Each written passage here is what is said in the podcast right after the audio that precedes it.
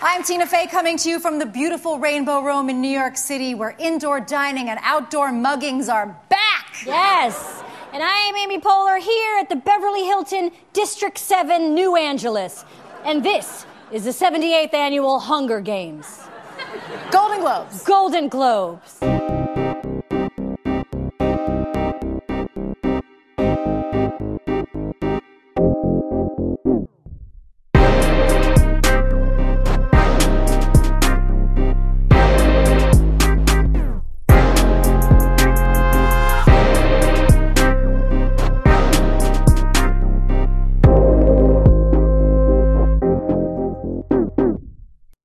Velkommen til 6. episode af I Kassen Talks. Mit navn er David Bjerre, og jeg minder om, at det her det er showet, hvor vi ikke laver deciderede filmanmeldelser, men vi laver alt muligt andet snak. Øh, det må jeg heller lige gentage, specielt i den her episode, hvor der ikke nærmest er sådan lidt anmeldelse alligevel. hey, man laver en regel til, at man laver en ny, ikke? Er det ikke sådan, hvordan man siger? Anyway, øh, som lovet, så har vi jo et hængeparti i forbindelse med selve Golden Globe-showet. Øhm, jeg nåede simpelthen ikke at se selve Golden Globe-showet inden forrige i kassen Talks. I det show, der snakkede vi om, hvem der vandt Golden Globe-priserne, og, og hvordan Oscar races ud og alt det her løjser. Men nu skal vi altså snakke om selve showet. Så det gør vi i denne her episode. Men derudover, i denne her i Kassen Talks, så skal vi altså også lige have fat i en enkelt tv-serie. Og det er der review-tingen kommer lidt. Der kommer lidt anmeldelse af den alligevel. Det bliver nærmest en lidt anmeldelse alligevel. Men det, ja. Men før vi når til den tv-serie, så skal vi altså have fat i nogle gyldne glober. Og nej, ikke dem, som Jamie Lee Curtis hun stod for. For tak skal du ellers have. I mean, hun er 62 år, og så ser... Anyway, check show notesene, der er screenshots. Jeg siger det bare. Det er jo insane. Vi må fokusere. Det er ikke den slags gyldne glober, vi skal snakke om. Vi skal snakke om den anden slags. Okay, anyway, since you guys aren't usually here, let us explain what this even is. Uh, the Golden Globes are awards given out by the Hollywood Foreign Press Association. The Hollywood Foreign Press Association is made up of around 90 international no black journalists who attend movie junkets each year in search of a better life. We say around 90 because a couple of them might be ghosts, and it's rumored that the German member is just a sausage that somebody drew a little face on. Yeah, så fik jeg endelig sat mig ned for at se Golden Globe-showet. Uh, det 78. 20. Golden Globe Show, som altså blev sendt i USA den 28. februar. Vi har snakket om vinderne og alt det her løjse, nu skal vi snakke om selve showet. Og jeg må indrømme, det, det, det er første gang, jeg sådan rigtig ser Golden Globe, fordi jeg, jeg plejer at ignorere det en lille smule. Det er en lille smule irriterende show. Uh, men når man nu endelig skal se sådan et award show, som man ikke er 100% tændt på, ligesom jeg er på Oscar, så er det fedt at kunne se det sådan på, på, på delay eller på playback senere, sådan, så man kan, kan spole hen over de pinlige taler og de ligegyldige tv-priser og tåbelige forsøg på komik. Ej, men det er fantastisk. Det, det, var, det var meget, meget hurtigere at se showet øh, den her gang, end, øh, end det ville være at se det live, selvfølgelig. Og selvom jeg skulle sidde og lave notes undervejs, så øh, ja, åh, den dejlige spoleknap, det var en god ting. Nå, og en omstændighed, jeg, jeg gider ikke at sige så meget om selve showet, selve Golden Globe showet, fordi det, det var simpelthen som, som den slags plejer at være, og som Oscar også er til en vis grad øh, ja, der er de her ligegyldige taler, som vi har med hver gang, hvor folk bare læser navne op. Der er de tåbelige venner, der, der er alle de her pinlige ting, som ikke er sjove pinlige, men bare dårlige pinlige. Og det, det er the nature of the beast, når vi snakker award show, og sådan er det. Og det er Golden Globe også, det har det altid været, og det vil det også være fremover, corona eller ej. Så det når det er sagt, altså uh, Tina Fey og Amy Poehler, der jo var, var, var værter for det her show, de, uh, de gjorde, hvad de kunne for at, uh, for, for at styre det hele, og de har jo klaret, sig, uh, klaret det godt før uh, i forbindelse med Golden Globe, og de klarede sig også fint igennem denne her utaknemmelige opgave. Og det er sådan nogle søde folk, som de to, der skal til. Uh, det nytter, nytter ikke noget, at man sætter Ricky Gervais eller sådan noget til at, til, til at guide os igennem sådan en show her. Det vil være forfærdeligt. Det, det var godt, det var de to, der var værter. Og øh, ja, for, øh, for bare lige at tage en ting med, vi nævnte tidligere i forbindelse med Golden Globe, øh, Hollywood Foreign Press Association, som jo altså øh, er, er dem, der uddeler Golden Globe-prisen, de havde jo modtaget en del kritik for, for det her med ikke at have et eneste øh, sort medlem. Så en, som en del af det her show, der stillede tre, tre medlemmer fra den her gruppe sig op og sagde undskyld og sagde, at de ville ændre sig. Og det var aftens mest pinlige indslag. Jeg er sikker på, at jeg har set gisselvideoer fra Afghanistan, der var varmere og mere op overbevisende end, end de tre folk, der, der akavet stod på scenen og sagde undskyld. Unbelievable. men, men som sagt, det, det er, hvad det er. Det er, det er Golden Globe, og sådan er det. Og, og, og det er ikke overraskende, at, at de ikke kunne få styr på at sige, øh, sige undskyld ordentligt, og overbevise nogen om, at de vil ændre sig.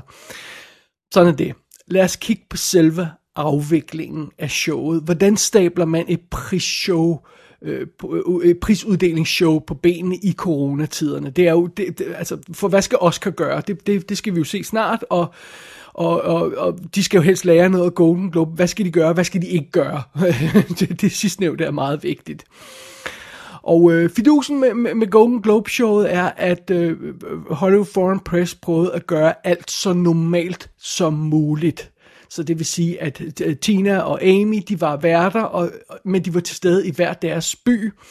De stod på hver deres lille scene og var split-screenet sammen, når de lavede deres dobbeltmonologer. Det fungerede overraskende godt. De havde hver et lille publikum foran sig, og, og øh, ja, så, som sagt, så, så var de splicet sammen sådan split screen, og det kunne man jo godt se, og de lavede ovenkøbet en joke med det, der var virkelig sjov, som man måske nok i virkeligheden øh, shows, øh, sjoveste joke, og øh, så, så, så, så den del af det fungerede fint, men de, de, de lød som om, at det var business som øh, as normal, når de stod der og lavede deres åbningsmonolog, og ja, så fremdeles. Men, men alle prisdeltager, øh, prisdeltager, prismodtagerne, øh, og de nominerede alle de folk der, de sad jo hjemme i deres egne stuer, og, så de var ikke til stede. Ik- ikke nogen af dem.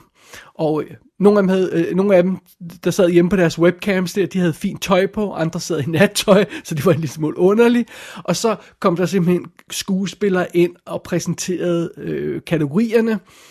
Og øh, det var, de var så, øh, hvad jeg kunne fornemme, i begge de her locations, hvor øh, Amy og Tina, Tina var hver for sig på, på østkysten og vestkysten, øh, som det vist var. Og så det publikum, som de stod og snakkede til værterne og øh, øh, kategoripræsenteringsfolkene der.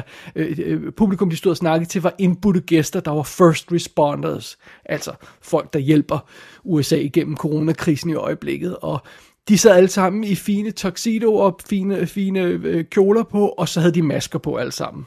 Og I'm sorry, det ser altså fucking weird ud. Det gør det stadig. Det ser weird ud at se, at man, man sidder der i sådan en prisuddelingsshow og forsøger at være normale, og så har alle alligevel masker på. Så, øh, ja, men, men sådan var det. Så det var setup. De forsøgte at gøre det så normalt som muligt, med det i mente, at det ville det selvfølgelig ikke være alligevel. Men lad os kigge, øh, snakke videre om showet her. Lad os dele tingene lidt op, fordi der var nogle tekniske udfordringer, og så var der nogle lidt mere konceptmæssige udfordringer. Så lad os lige snakke om tingene en af gangen. Øh, de, øh, de tekniske udfordringer først. Alle holdt naturligvis vejret, da den første pris skulle uddeles. Og Laura Dern, hun, hun, hun træder fint ind på scenen og præsenterer kategorien bedste mandlige birolle. Og øh, vi ser de fem skuespillere, der er nomineret, og det er altså meget fint, og det er Daniel Kaluuya, der vandt for Judas and the Black Messiah. Meget fortjent jo, han, øh, en, en, en øh, meget pragtfuld præstation, han leverede der. Og så er det jo, at vi skal se, hvad der nu sker. Jamen, for det første kunne vi se de fem skuespillere der, øh, og, og, og billedet blev holdt, sådan, så vi kunne se de andre skuespillere klappe og juble, da, da, da Daniel Kaluuya vandt. Og det virkede som om, de reelt var glade for det. Uh, Bill Murray, han, han, han, han, han skålede mod kameraet, han virkede vildt sød og, og glad for det. Og det var, det var alt sammen meget finere. Og så skal Daniel Kaluuya starte, starte sin tale, og øhm, så kan man ikke høre, hvad han siger. He did me dirty. He did me dirty. He did me dirty. He did me dirty. Am I on? Is this on? Is this on? Alright, cool. Can you hear me now? Alright, cool. I'm oh, on. We got this. We got this. Og for at være helt fair, det var faktisk aftenens største tekniske smutter. det var den første pris. Og det er egentlig lidt imponerende, at det gik værre i løbet af showet. Øh, der var øh, andre små ting, andre små smutter her og der og, og akavede ting, men for det meste gik det faktisk okay. Dem, der vandt prisen, kunne høre, de vandt prisen, og de kom på, og de kunne, de kunne snakke. De var lidt i tvivl om, hvad de skulle gøre, så selvfølgelig var de det. Men, øhm, men alt andet lige gik det okay øh, øh, det meste af tiden. En ting, jeg dog vil sige, det er, at lyden var et tilbagevendende problem for det her show. Det virkede som om mange folk bare sad med den her lille indbyggede webcam-mikrofon i, i deres bærbare computer, og, og så sad de ovenkøbet på en shitty forbindelse.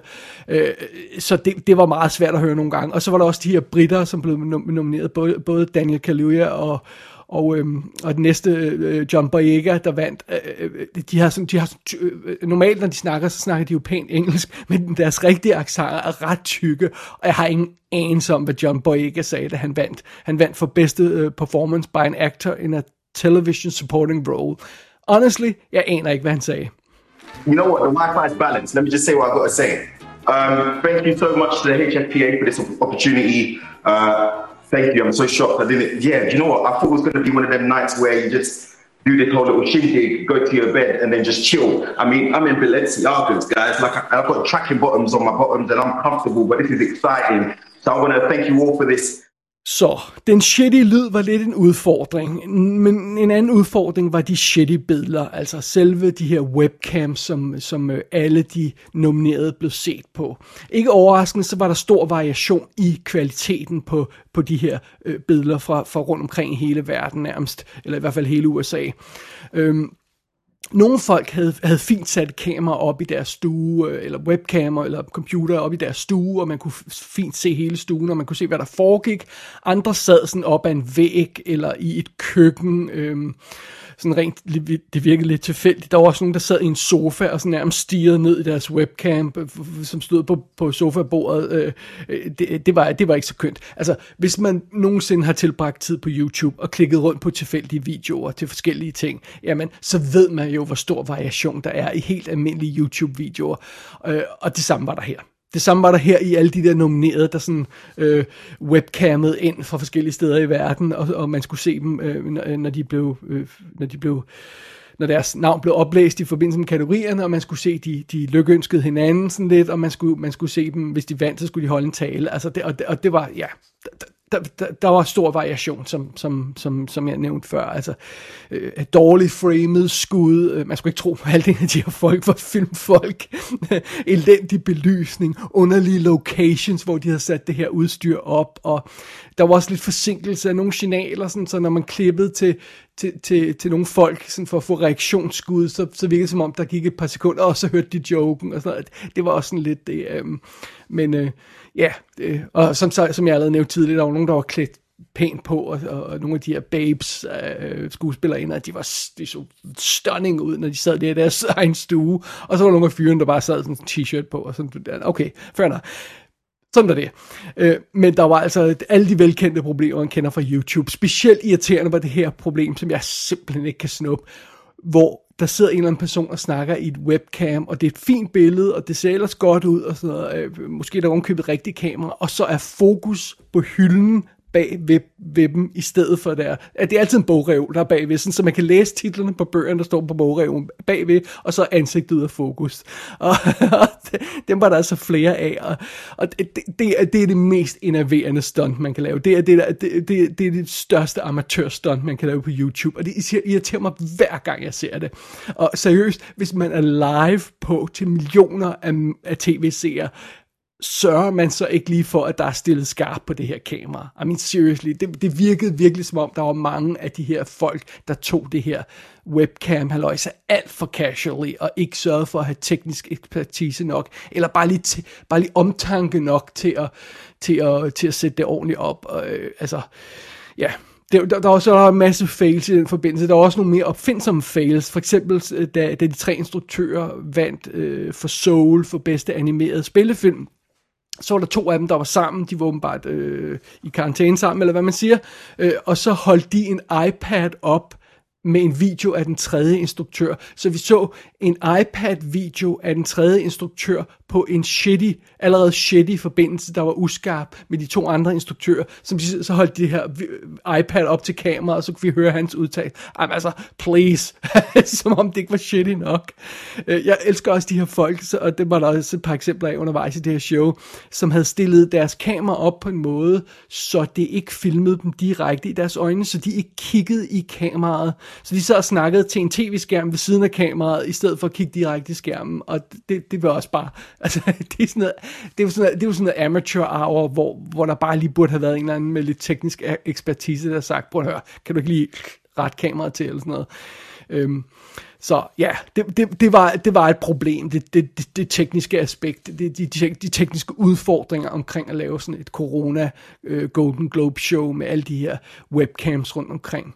Og honestly, hvis jeg skulle lave det, hvis jeg var producer på sådan et award show her, så ville jeg simpelthen sætte mig ned, og så ville jeg gøre en ting. Jeg vil lave en pakke til hver nomineret person, hvor der er et godt lille digitalt kamera, en knaphulsmikrofon, og så måske en simpel lysanretning af en eller anden slags. Og så vil jeg simpelthen sende den pakke ud til hver eneste location, hvor der skulle være en nomineret, der skulle sidde i sin stue, med en tekniker, der sætter udstyret op, sørger for, at forbindelsen er i orden, sørger for, at der er stillet skarpt, sørger for, at man kan se, hvad der sker, og, øh, og, så, ja, og så sørger man selvfølgelig for lige at ringe ind, inden showet går live på, og, og, og lave de sidste finjusteringer, øh, lige inden live showet øh, kommer på. Men det her med, at, at, at alle får et ordentligt kamera, alle får en ordentlig mikrofon, det vil være så godt. Og prøv at høre, det kan man godt. Det er der råd til, fordi man kan få sponsoraftaler, og det her det er en multimillion dollar forretning, det her øh, live awards show. Det kan man godt. Man kan sagtens sende en person ud til hver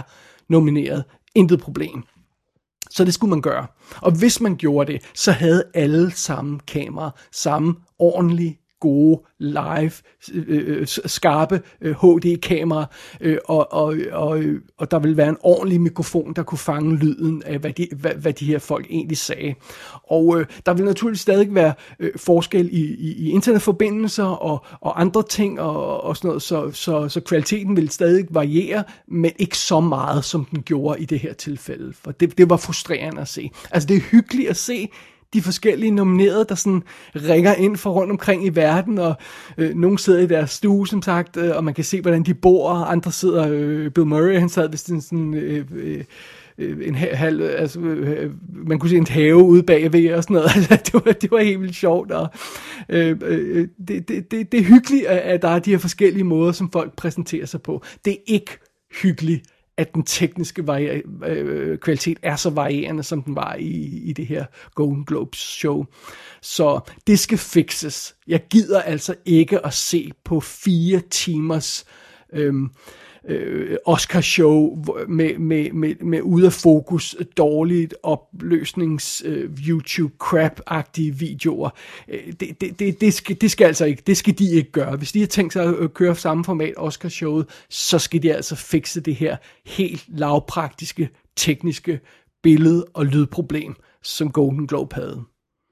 Oh, you know, this is probably something we should have told you guys earlier. Everybody is understandably upset at the HFPA and their choices.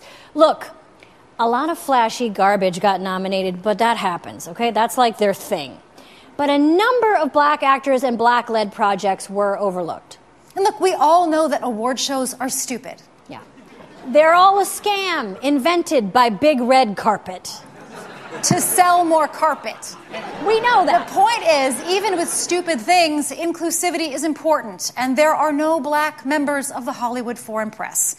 I realize HFPA, maybe you guys didn't get the memo because your workplace is the back booth of a French McDonald's, but you got to change that. Alrighty, det leder os videre til selve de her konceptudfordringer, der er omkring det at lave sådan et live corona-show, prisuddelingsshow.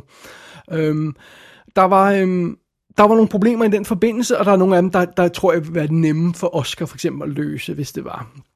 Øh, tag sådan noget for eksempel som, at løbende igennem Golden Globe Show, der blev præsenteret, der, der blev præsenteret de bedste film nomineret. Det gør man også tit i Oscar. Man sådan løbende har folk, der kommer ind og præsenterer de fem nominerede, og så når man endelig skal uddele prisen, så har de, er de fem film blevet, øh, blevet præsenteret med sådan en lille trailer, videoagtig ting og sådan noget. Det, det, det er nærmest blevet standardprocedure for, for de bedste film nomineret, øh, for, for den kategori der.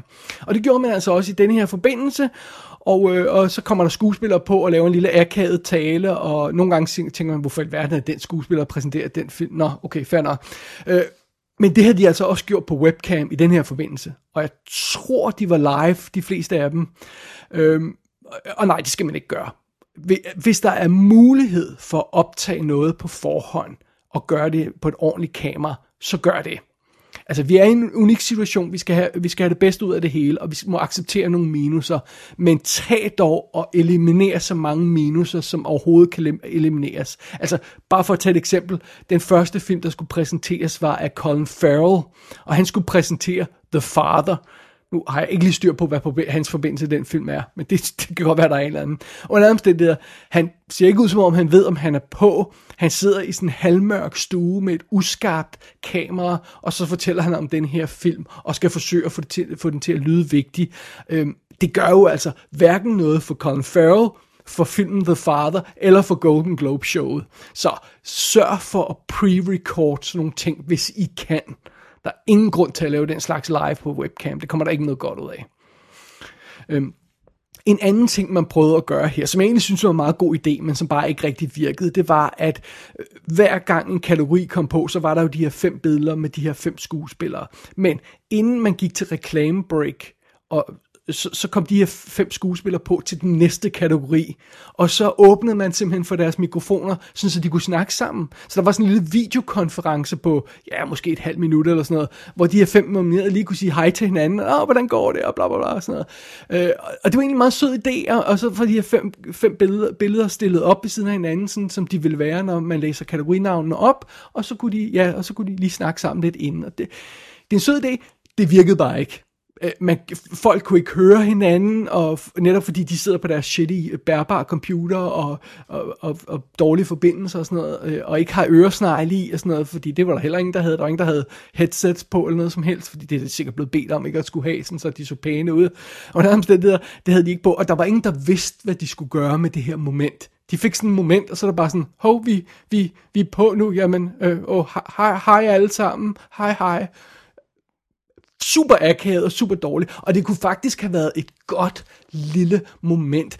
For eksempel, tillad mig bare et forslag. Hvad nu, hvis man siger, man har sådan en kategori der, man har fem skuespillere, der er som regel en af dem, der vil være sådan lidt mere fremme i skoen end andre. Tag for eksempel bedste øh, mandlige birolle, så, så, så prikker man da lige Sasha Baron Cohen på skulderen og siger, prøv at høre, du tager lige the lead her. Og så siger han, så starter han med at sige noget, så siger han, Nå, hej alle sammen, hvordan går det? Held og lykke, vi, vi ses på den anden side af reklamebreaket, eller sådan noget. Og så kan de andre hilse på ham. Sådan, så der er en eller anden, der ligesom tager teten og løber med, med den, og, og, og sørger for, at, at, at at der blev brugt, at det der moment blev brugt til noget, fordi det var bare sådan, det, de gjorde det flere gange i løbet af showet, så sad der de her fem skuespillere sådan akavet og, og, og kiggede på hinanden sådan, øh, ja, øh, øh, hej hej, og, altså, ja, igen, sjov idé, den virkede ikke helt, også kunne, måske, kunne måske fikse det, men man behøvede ikke at gøre det, hvis det var. Det, altså, ja, igen, minimere øh, potentialet for problemer undervejs, hvis man kan.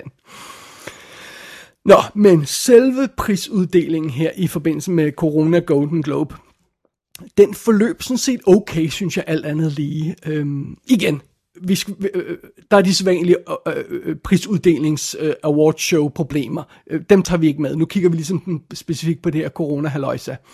Øhm, så ja, øh, i hver kategori så gjorde man det her med, at der var fem nomineret, og de blev, de blev sat op i de her øh, fem øh, firkanter med hver deres webcam, ligesom man normalt ville gøre, hvis de sad i publikum, hvor man havde, ville have kamera på hver af dem. Det fungerede fint nok. Og som jeg nævnte tidligere, så når, øh, når, når vinderen blev udråbt, øh, så klippede man ikke bare ind til vinderen, man blev i det der fem skud, og så kunne man se de andres reaktioner, og det var faktisk vildt sødt. Det fungerede vildt godt flere steder. Da Catherine O'Hara, hun vandt for Best Performance by an actor, Actress in a Television Series, Musical or Comedy, puha, de har nogle lange kategorinavne, de her folk, øh, da hun vandt, så kunne man se alle de fire andre unge skuespillerinder jublede simpelthen. De elsker hende, og de elskede, at hun vandt, og havde slet ikke noget problem med det. Det var et vildt sødt moment. Øh, så der, der fik man faktisk lidt ud af det der med at, at sidestille billederne og, og, og, og præsentere det på en lidt anden måde, end man normalt gør i et awardshow. Det, det virkede fint. Øh, en lille ting, jeg vil sige om det der med, at der kommer de her fem billeder på, med fem skuespillere, der er nomineret, eller fem instruktører, eller hvad fanden det nu er. Det er altså meget fint, øh, og der, nogle gange er der jo også flere nomineret end, end bare en i nogle kategorier øh, til musik og alt det her løjse, så havde man ikke altid webcam på dem, men, men sådan er det. Under omstændigheder, når man får den her en af de her kategorier, hvor der er fem skuespillere nomineret så burde der være fem ansigter, right? Men der var så folk, der havde deres øh, kærester med, deres husdyr med, deres familier med. Så nogle gange så havde man altså ikke kigget på de her fem firkanter med fem ansigter i. Nej, nej, der var fem firkanter med otte ansigter i, eller 10 eller 40, hvis en havde hele familien med. det var, det, det var, det, altså, der burde man måske have sagt, okay, lige i det her moment, hvor vi skal, vi skal uddele prisen til jer, så er det måske okay, at at I er alene i billedet, og så kan kæresten sætte sig ind bagefter, eller sådan noget. Det, det andet var en lille smule forvirrende, ærligt talt, nogle gange. Fordi der var meget at se på hele tiden. Øhm, en anden ting, der også var lidt spøjs ved det her, den måde, som det her awardshow kørte på, det var, der var jo ingen, der fik en award. altså, i, i sagens natur, så kunne man ikke køre ud til alle og levere en pris i hånden på dem live, så øhm, der, der var ingen priser, som folk fik ved den her prisuddeling. så så øh, ja, øh, igen, der var en naturlig årsag til det, men det var også bare weird, og der kunne man måske overveje en eller anden løsning på det, der gjorde det en anelse mindre weird. Øh, men ellers forløb det hele faktisk okay. Det forløb hak i hak, som sådan et show normalt ville gøre. Og det var jo også det, der var t- øh, intentionen ved at gøre det på den her måde. At, at forsøge at holde det så normalt som muligt. Og det synes jeg rent faktisk lykkedes meget godt. Af og til tænkte man lidt over det, da en eller anden skuespillerinde kom stavrende ind af, ned ad trappen på højhælede sko og skulle have en hånd. Så fik hun en hånd af en af en hjælper i, i, i, i, i kulisserne. Og den hjælper havde maske på. Og så havde man sagt, nå ja, alright, ja, yeah, you're right, vi er i corona, alright, fair enough. Men ellers så, og så blev det klippet, klippet ud til publikum, som sad og klappede, som også havde masker på, og man kendte ingen af dem. Og så blev man mindet om, det var corona igen. Men ellers så synes jeg rent faktisk, at de slap okay afsted med, med sådan det, det naturlige forløb igennem showet til alle de her, med alle de her priser og sådan noget. Og, øhm, det, det mest underlige, synes jeg, ved det her, var faktisk, da showet sluttede da bedste film dramaprisen øh, prisen blev uddelt, øh, så øh, kunne vinderne jo ikke samle sig på scenen, og det ville de normalt gøre. Det gør de til Oscar, jeg kan ikke huske, om de gør det til Golden Globe også, men det er sådan, man følte lidt, at der manglede et eller andet. Øhm, øh, Zoe Chow, hun sad der alene, hun, hun er instruktøren af, af, af, af Nomadland, og, og den vandt prisen, og så sad der, hun der og holdt en tale helt alene i sin lille mørke køkken, og, og, og det var så bedste film øh, Øh, drama øh, øh, afslutningen. Det var den fornemmeste pris, og så sad der en eller anden øh, øh, øh, øh lille uskyldig øh, kvinde i, i et mørkt køkken og sagde tak. det var en lille smule underligt. Og så klipper man til, til Tina og Amy, der står på scenen og, og, og siger farvel, og så siger de farvel, hej hej, og så slutter showet. Showet sluttede 18, nej, 19 sekunder skrev jeg ned. 19 sekunder efter, at Zoe Charles tale var overstået. Så klippede man tilbage til, til scenen, og til scenerne med Amy og, og, og Tina, og så sagde de hej hej, og så var det slut. Det, det, I det tilfælde, der virkede det her corona ikke. Der virkede det ikke at gøre det som normalt. Ofte så slutter Oscarshowet jo også lige pludselig, når, når, når vinderne er blevet udnævnt. Det er sådan en lille smule underligt nogle gange. Øh, men i det her tilfælde, i corona der, der, var, der var der altså brug for at tænke nye tanker. Øh, der var brug for at slutte det her show af på en eller anden samlende måde. Øhm, få lukket ordentligt ned for den her oplevelse, som var sådan lidt afbrudt og underlig og hakkende undervejs. Så var der brug for lige at samle det hele og uh, lade roen falde over det hele og sige tak for showet, tak fordi I så med og sådan noget. Ikke bare det her, vi ses, har bedste film og videre, slut rulletekster. Øh, øh, det, der, der manglede det her virtual show, altså et eller andet. Der skulle man have gjort noget andet, end det man normalt gør. Det vil jeg også gerne have, Oscar tænke over, hvordan, hvordan man kan giver en lidt mere samlende oplevelse som afslutning på det her lidt, lidt øh, kaotiske og social distanced øh, show, som, som, som vi jo ja, formodentlig også får i, i Oscar-øje med. Så det, men alt andet lige, så synes jeg rent faktisk, Golden Globe klarede sig helt skinnet gennem det her coronashow. Altså det kunne have været meget, meget værre. Men det kan altså også gøres meget, meget bedre. jeg håber, virkelig, at Oscar-produceren så med på det her Golden Globe show. Jeg håber, de lavede mindst lige så omfattende notes til showet, som jeg gjorde. Fordi jeg, jeg vil våge at påstå, at de kan godt undgå nogle af de problemer, som uh, The Golden Globe løb ind i på Oscar-showet. Uh, det kan de altså godt. De kan godt lære ved nogle af de ting, uh, de har set her. Og, og som jeg nævnte i, i tidligere i kassen Talks, så er Golden Globe øh, øh, sjov at se i den her sammenhæng, fordi det er det, der er tættest på Oscarshowet i format og stemning og stil og sådan noget. Så det var, det var derfor, det var sjovt at tage fat i det her show og se, hvordan de gør det, inden Oscar skal gentage succesen, eller undgå samme fiasko, afhængig af, hvordan man ser på det. Så, så ja, det, gå, Oscar kan godt gøre noget godt, og, og de kan godt lave virtual show, og de kan godt gøre noget interessant ud af det, men de skal altså lære ved de her, af de her fejl, som, som Golden Globe har begået. Og det er meget sjovt, synes jeg, fordi for nylig så blev der også annonceret, at uh, SAG, altså Screen Actors Guild prisen, som hvis nok også plejer at være live, hvis jeg ikke tager meget fejl, øh, uh, dog et mindre show, uh, de har altså smidt håndklæde i ringen, og de laver ikke et live show i år. Det er et pre-recorded show, hvor vinderne bliver få, øh, øh vinderne mødes i Zoom øh, øh, øh til Zoom møder og så øh, øh bliver vinderne annonceret inden for hver kategori, og så skal, så skal de holde hemmeligt, hvem der vandt, indtil showet bliver sendt på tv og sådan noget. ja, det er lidt underligt. Øhm, men altså, ja. Og for, for lige at tage en anden ting med, øh, Oscar-folkene øh, bliver også nok nødt til at, at, at, at øhm, kigge lidt på ratings for Golden Globe showet her. Der var 6,9 millioner mennesker, der så med live på det her show. Og det er altså et fald på 64 procent fra sidste år. Og der er flere grund til, at der er, det, det, der er et naturligt fald i alle award shows, og det har der været gennem længere tid. Det skal man lige tage med. Og der er en anden grund til, at, at, at der er et fald i det her show, det er, at udvalget af film er dårligere i år, simpelthen fordi, at der har ikke været særlig mange film. Jeg ved godt, Golden Globes også er et tv øh, award show, men, men, men forstå mig ret.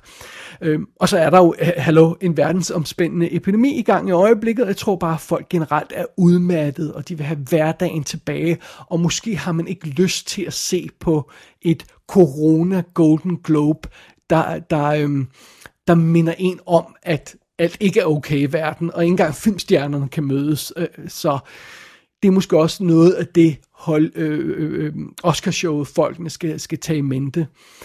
Øh, men øh, der kunne selvfølgelig også være den grund til, at, at øh, endnu en grund til, at, at folk ikke gad at se med på, på det her Golden Globe show. Måske har de set lidt starten af det, og så har de tænkt, øh, gider jeg virkelig at bruge 3-4 timer på noget, der det meste af tiden ligner et dårligt YouTube-show. Starling, go. Esquivel's our army sniper guy. Tripati's our library. Clark's our lie detector. Make us believe in your behavioral science like I believe in them. How crazy is the crazy?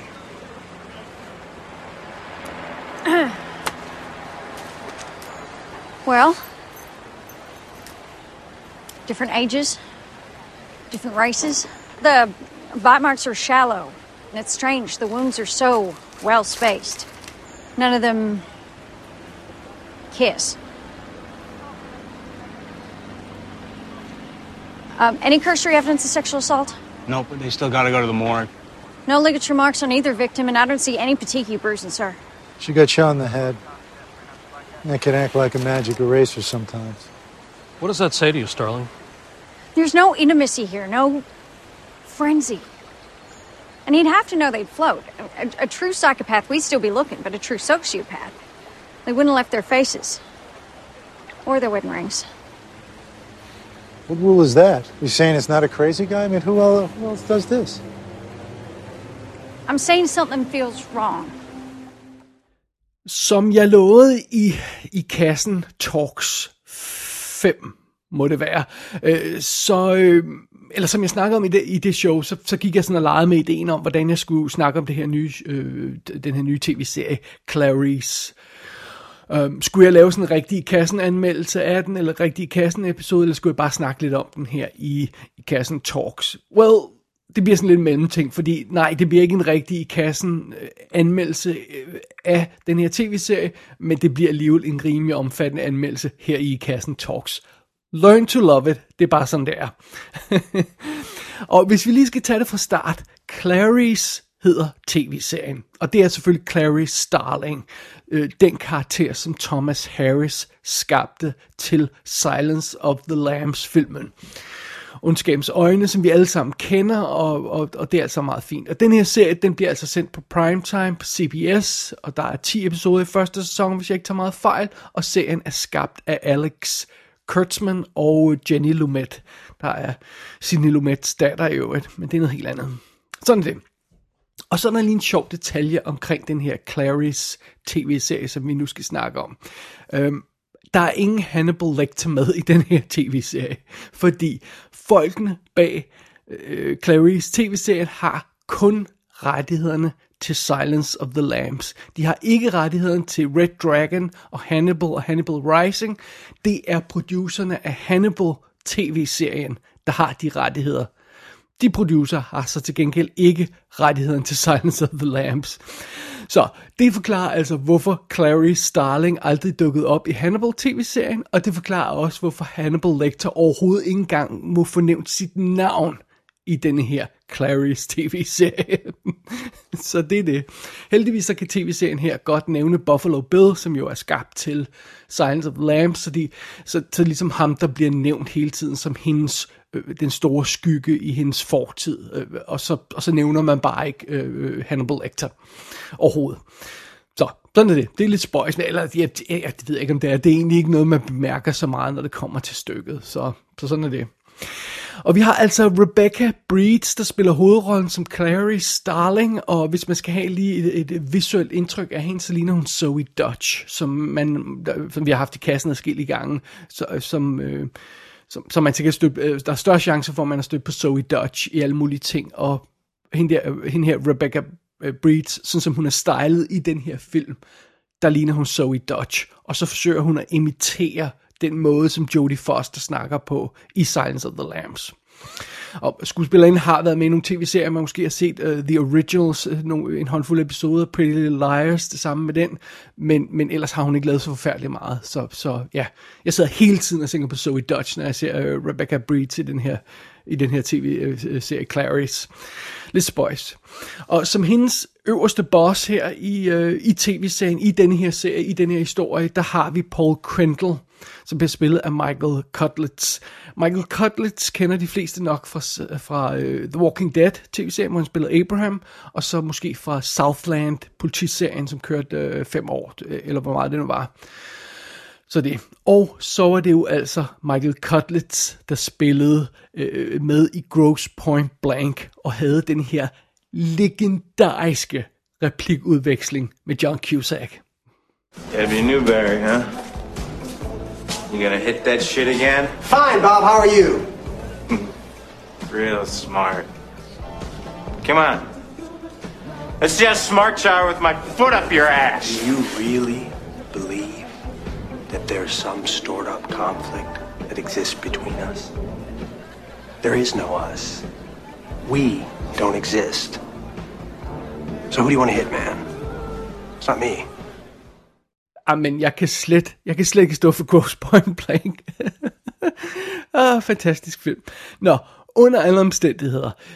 Michael Cutlets spiller Paul Krendel, og Paul Krendel har været med tidligere i øhm, det her Silence of the Lambs univers. Han er med i Silence of the Lambs spillefilm fra 1991, hvor han blev spillet af Ron øh, Vorter, eller sådan noget i den stil. Øh, øh, sådan en gut, man, man siger, åh, oh, ham har jeg da set i et eller andet, men ellers kan man ikke sætte fingeren på ham. Sådan en, en af de her bit part skuespillere, øh, som ikke gør det store indtryk, og cirka i den film, hvor der er så mange andre, der stjæler indtrykket.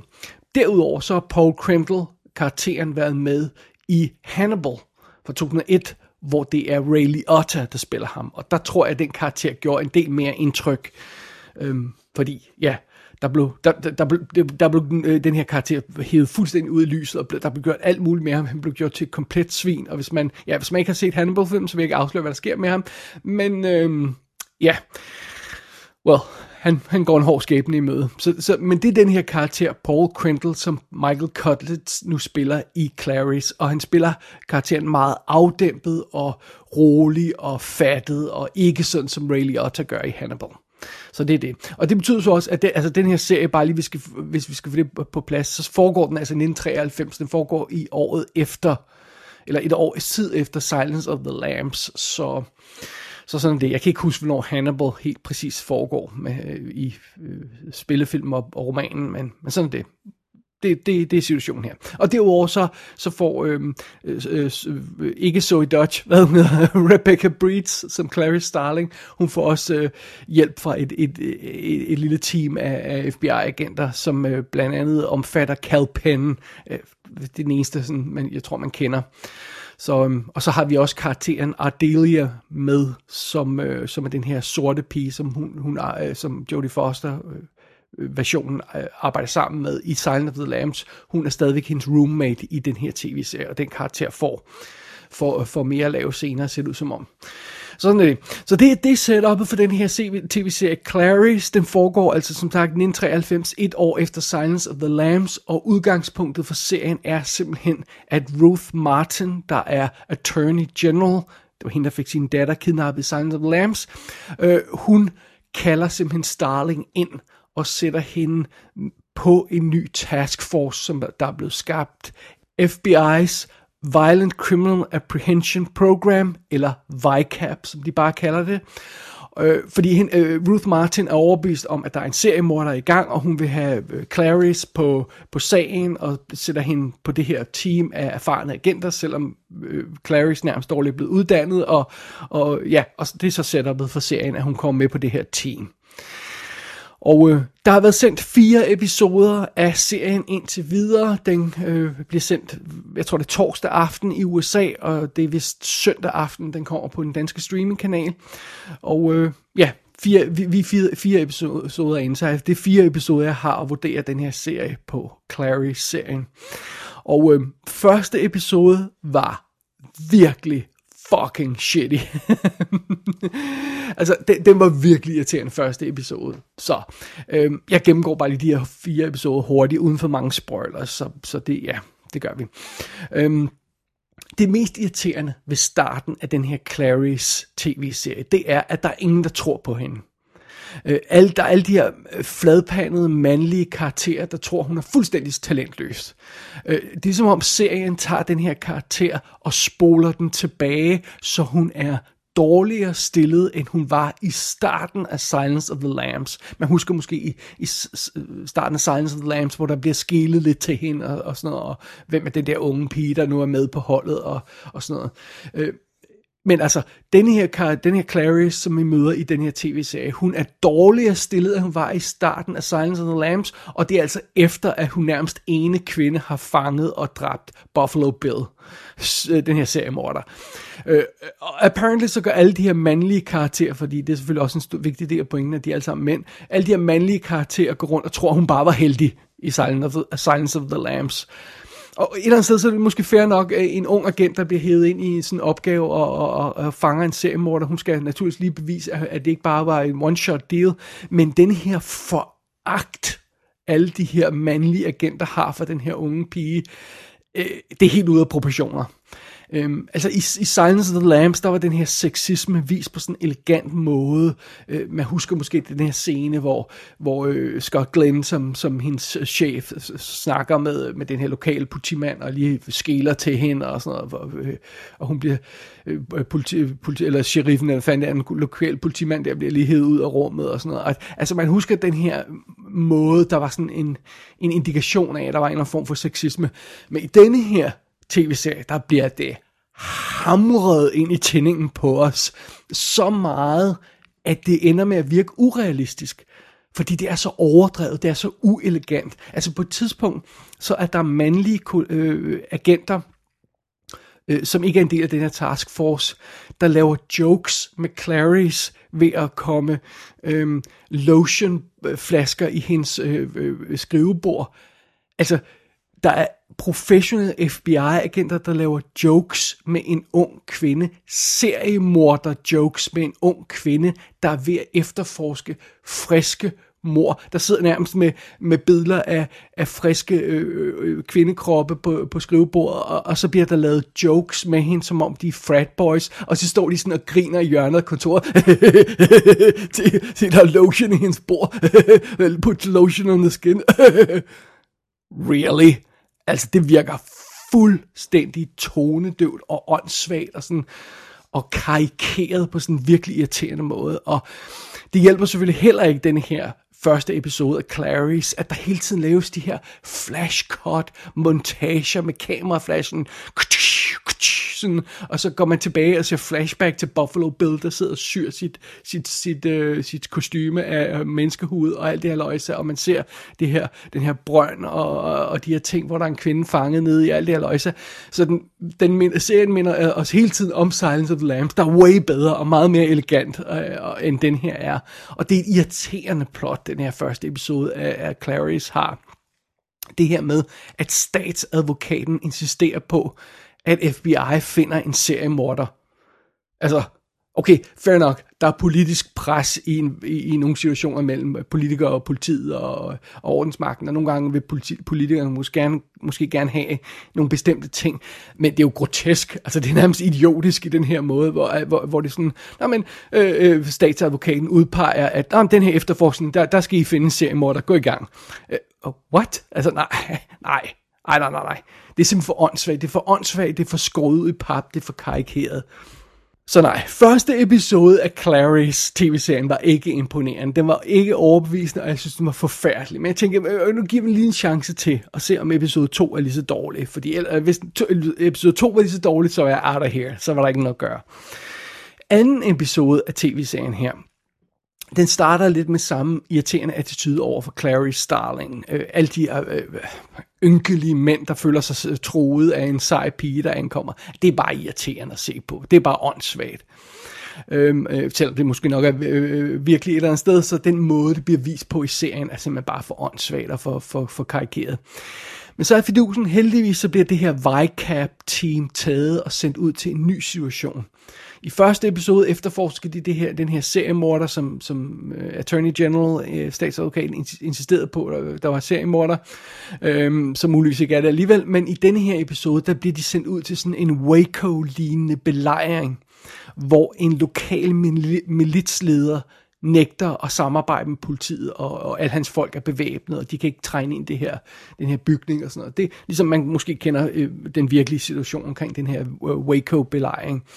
Øh, og det er så den situation, som Clarice og VICAP-teamet bliver involveret i. Og det fungerer faktisk meget interessant. Det viser sig at være en god ting, fordi hvis hver episode af Clary skal handle om efterforskning af en seriemorder, så bliver det også sådan lidt, really? Der går nok mange seriemorder her.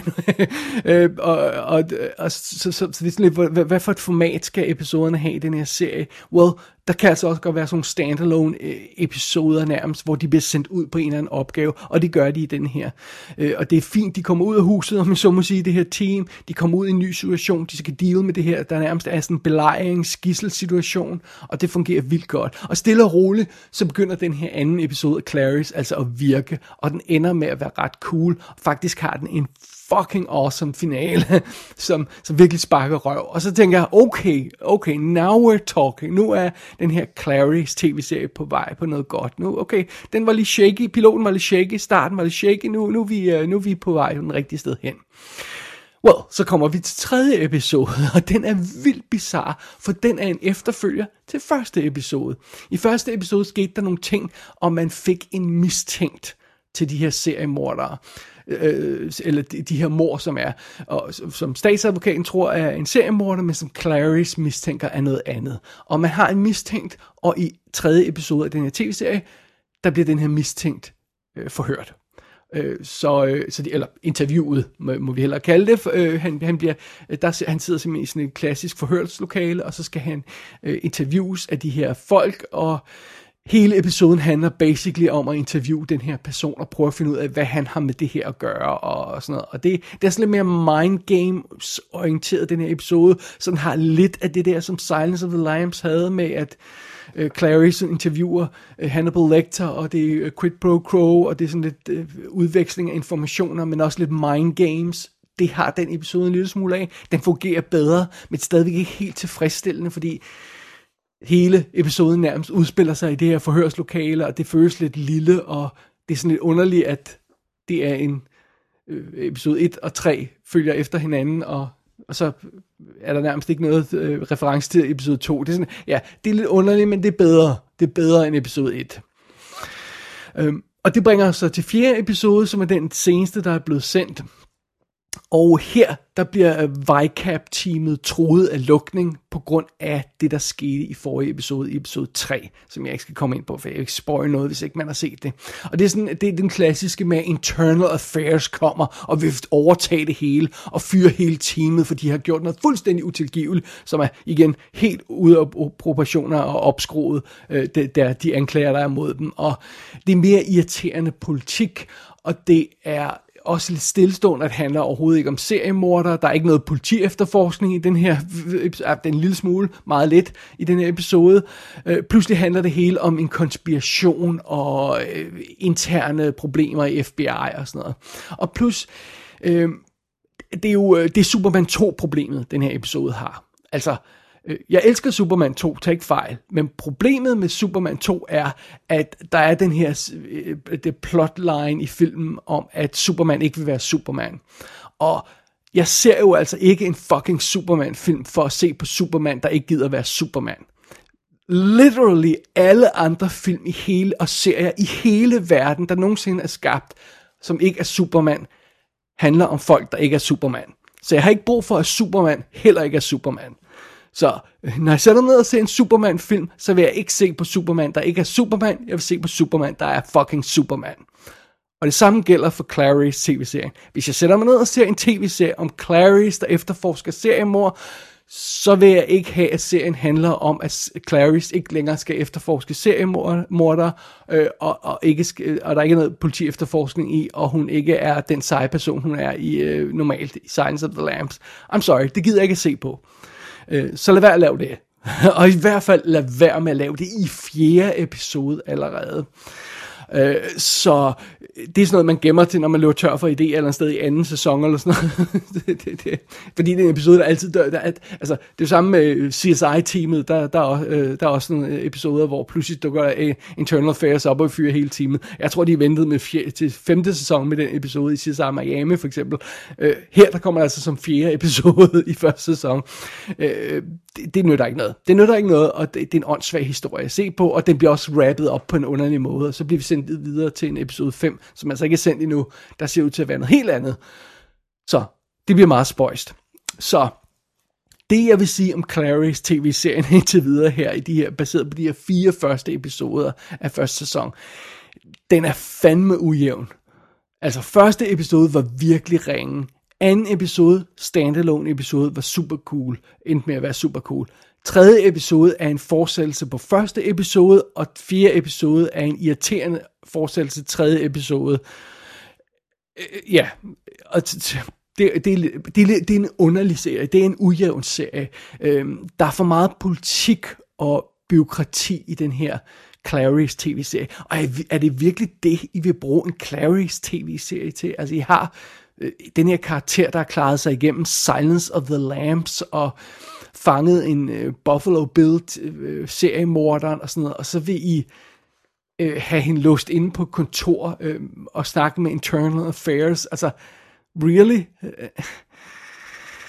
nej, det, det er godt. Den her serie, den skal altså ud, væk fra det der haløjse byråkrati og, og, og politik. Den skal ud i marken, den skal have nogle flere standalone episoder, og så kan den godt have et gennemgående plot med nogle seriemordere og en efterforskning, man vender tilbage til, men der skal være flere tangenter, der kan spille på undervejs den her serie. Øhm, så det må de have gang i. Lad os se, om de får det i de kommende episoder. Det ved jeg ikke på nuværende tidspunkt, for der er, der er vist ikke nogen plotbeskrivelser af de kommende episoder. Øhm, og jeg var også godt til spørgsmålstegn ved, om denne her Clarice tv-serie var noget, der burde være på primetime tv. Det virker som noget, der vil være en, en kabel-tv-serie. Altså øhm, HBO eller Showtime eller nogle af de her, så man kunne være mere rå og mere voldelig og, og lave nogle flere øh, interessante ting med også at bruge spilletiden lidt anderledes. Øh, alle de her episoder er 42 minutter, og, og det virker lidt underligt nogle gange, og ja, øhm, men, men okay, der, der er potentiale i tv-serien her, i Clarice, når det kommer til stykket. Jeg håber virkelig, at de formår at finde det frem, fordi det er der et sted, baseret på de her fire episoder, men der er altså også meget garbage, de bare skal have væk, og, og, og skal droppe og komme videre i. Så øhm, jeg er spændt på, om de gør. Jeg, jeg har tænkt mig at se videre. Øh, episode 2 til 4 var interessante nok til, at jeg ser videre i den her tv-serie. Øh, men øh, hvis man bare ser episode 1, så, så kan jeg godt, hvis, hvis, hvorfor man har lyst til at droppe serien, bare baseret på den, fordi det var ikke kønt.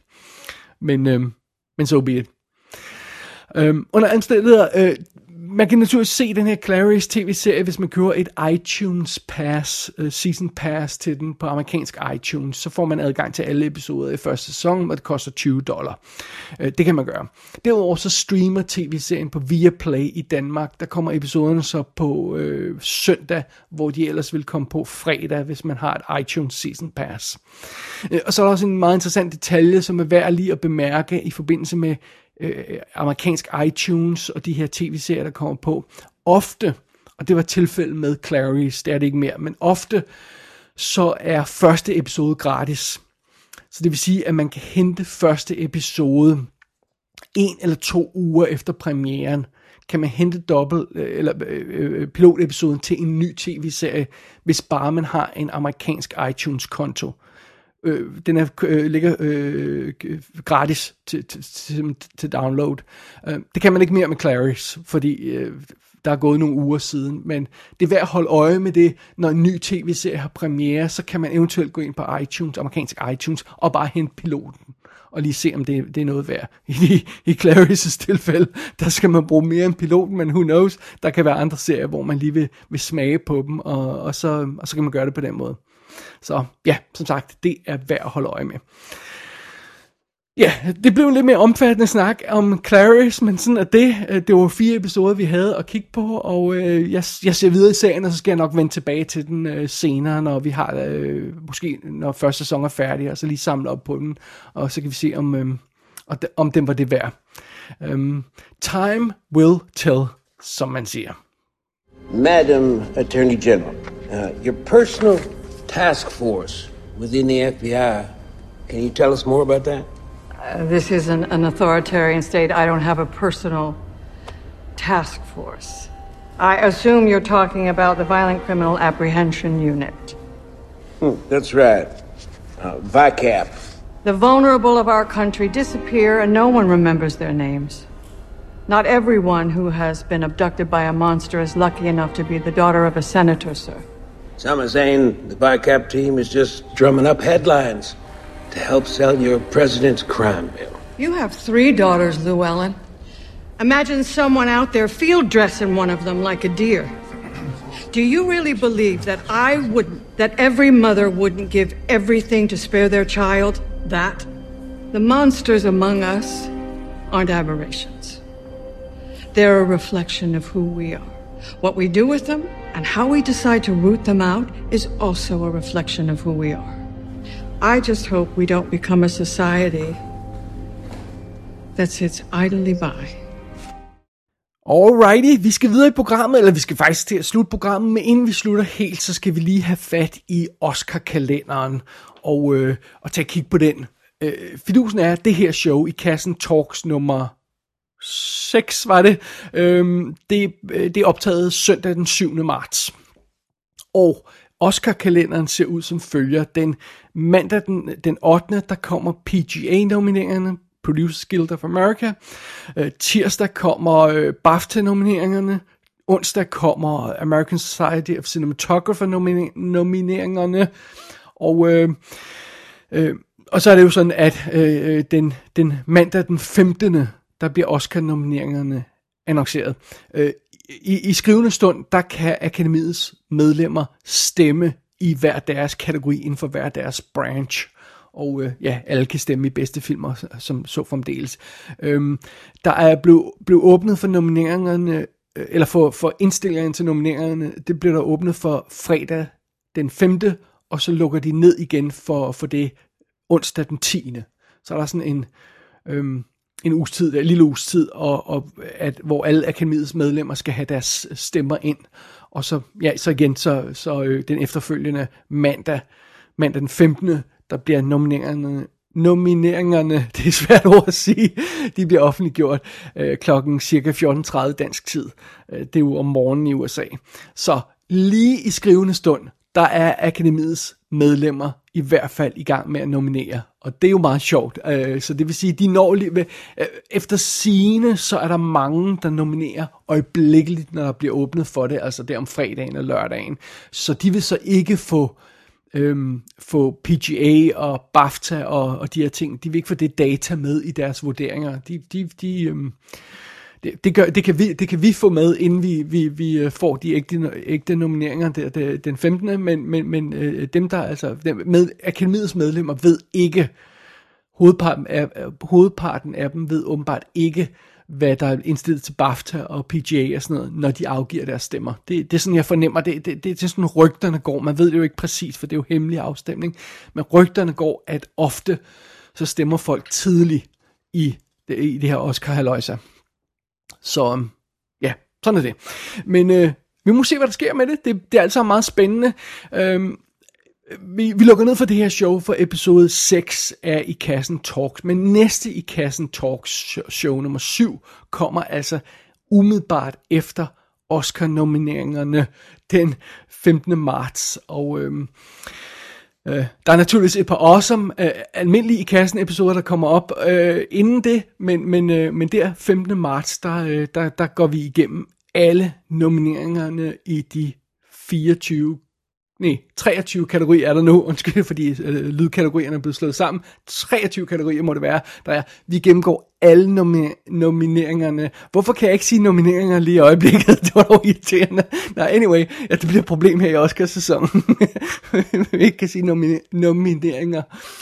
Under omstændigheder, øh, noms, det kan være, jeg skal begynde at sige det. Noms, nej, det skal jeg nok lade være med bare roligt. Øhm, under omstændigheder, vi gennemgår hele show, hele, alle, alle kategorier, og, og, og bare lige sådan hurtigt de første reaktioner, øh, det gør vi den, øh, den mandag den 15. Så det bliver meget spændende, så det bliver altså næste i kassen Talks episode. Og øh, den kommer nok ikke til at indeholde så forfærdeligt meget andet end lige Oscar-snak, fordi ja, det kommer til at fylde en del. Sådan er det. Jeg tror bare, der er tilbage og lige minde om, at man går ind på ikassenshow.dk for at tjekke show notes til den her episode, og jeg opfordrer til, at man lige tjekker de billeder, jeg har lagt op fra Golden Globe Show. Lad mig lige understrege, at de er gode. Øhm, sådan er det. Og så kan man også få, lige få nogle glimt af Clarys tv-serien, lige få en idé om, hvordan det ser ud. Øh, jeg skal nok lægge en, øh, et, par, et par skud op for den også. Så sådan er det. Og igen, der er liste over de lydklip, der bliver spillet undervejs i showet, hvis man ikke lige fanger, hvad det er. Sådan er det. Og inde på ikassenshow.dk, øh, der kan man også bruge den her kontaktformular og sende en besked til mig med ris, ros og forslag til kommende episoder.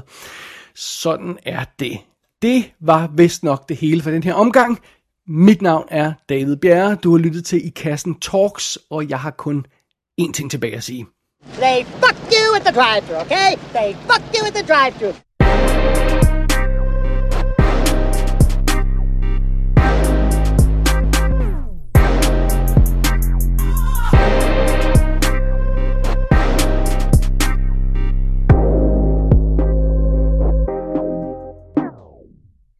So who talks first? You talk first? I talk first?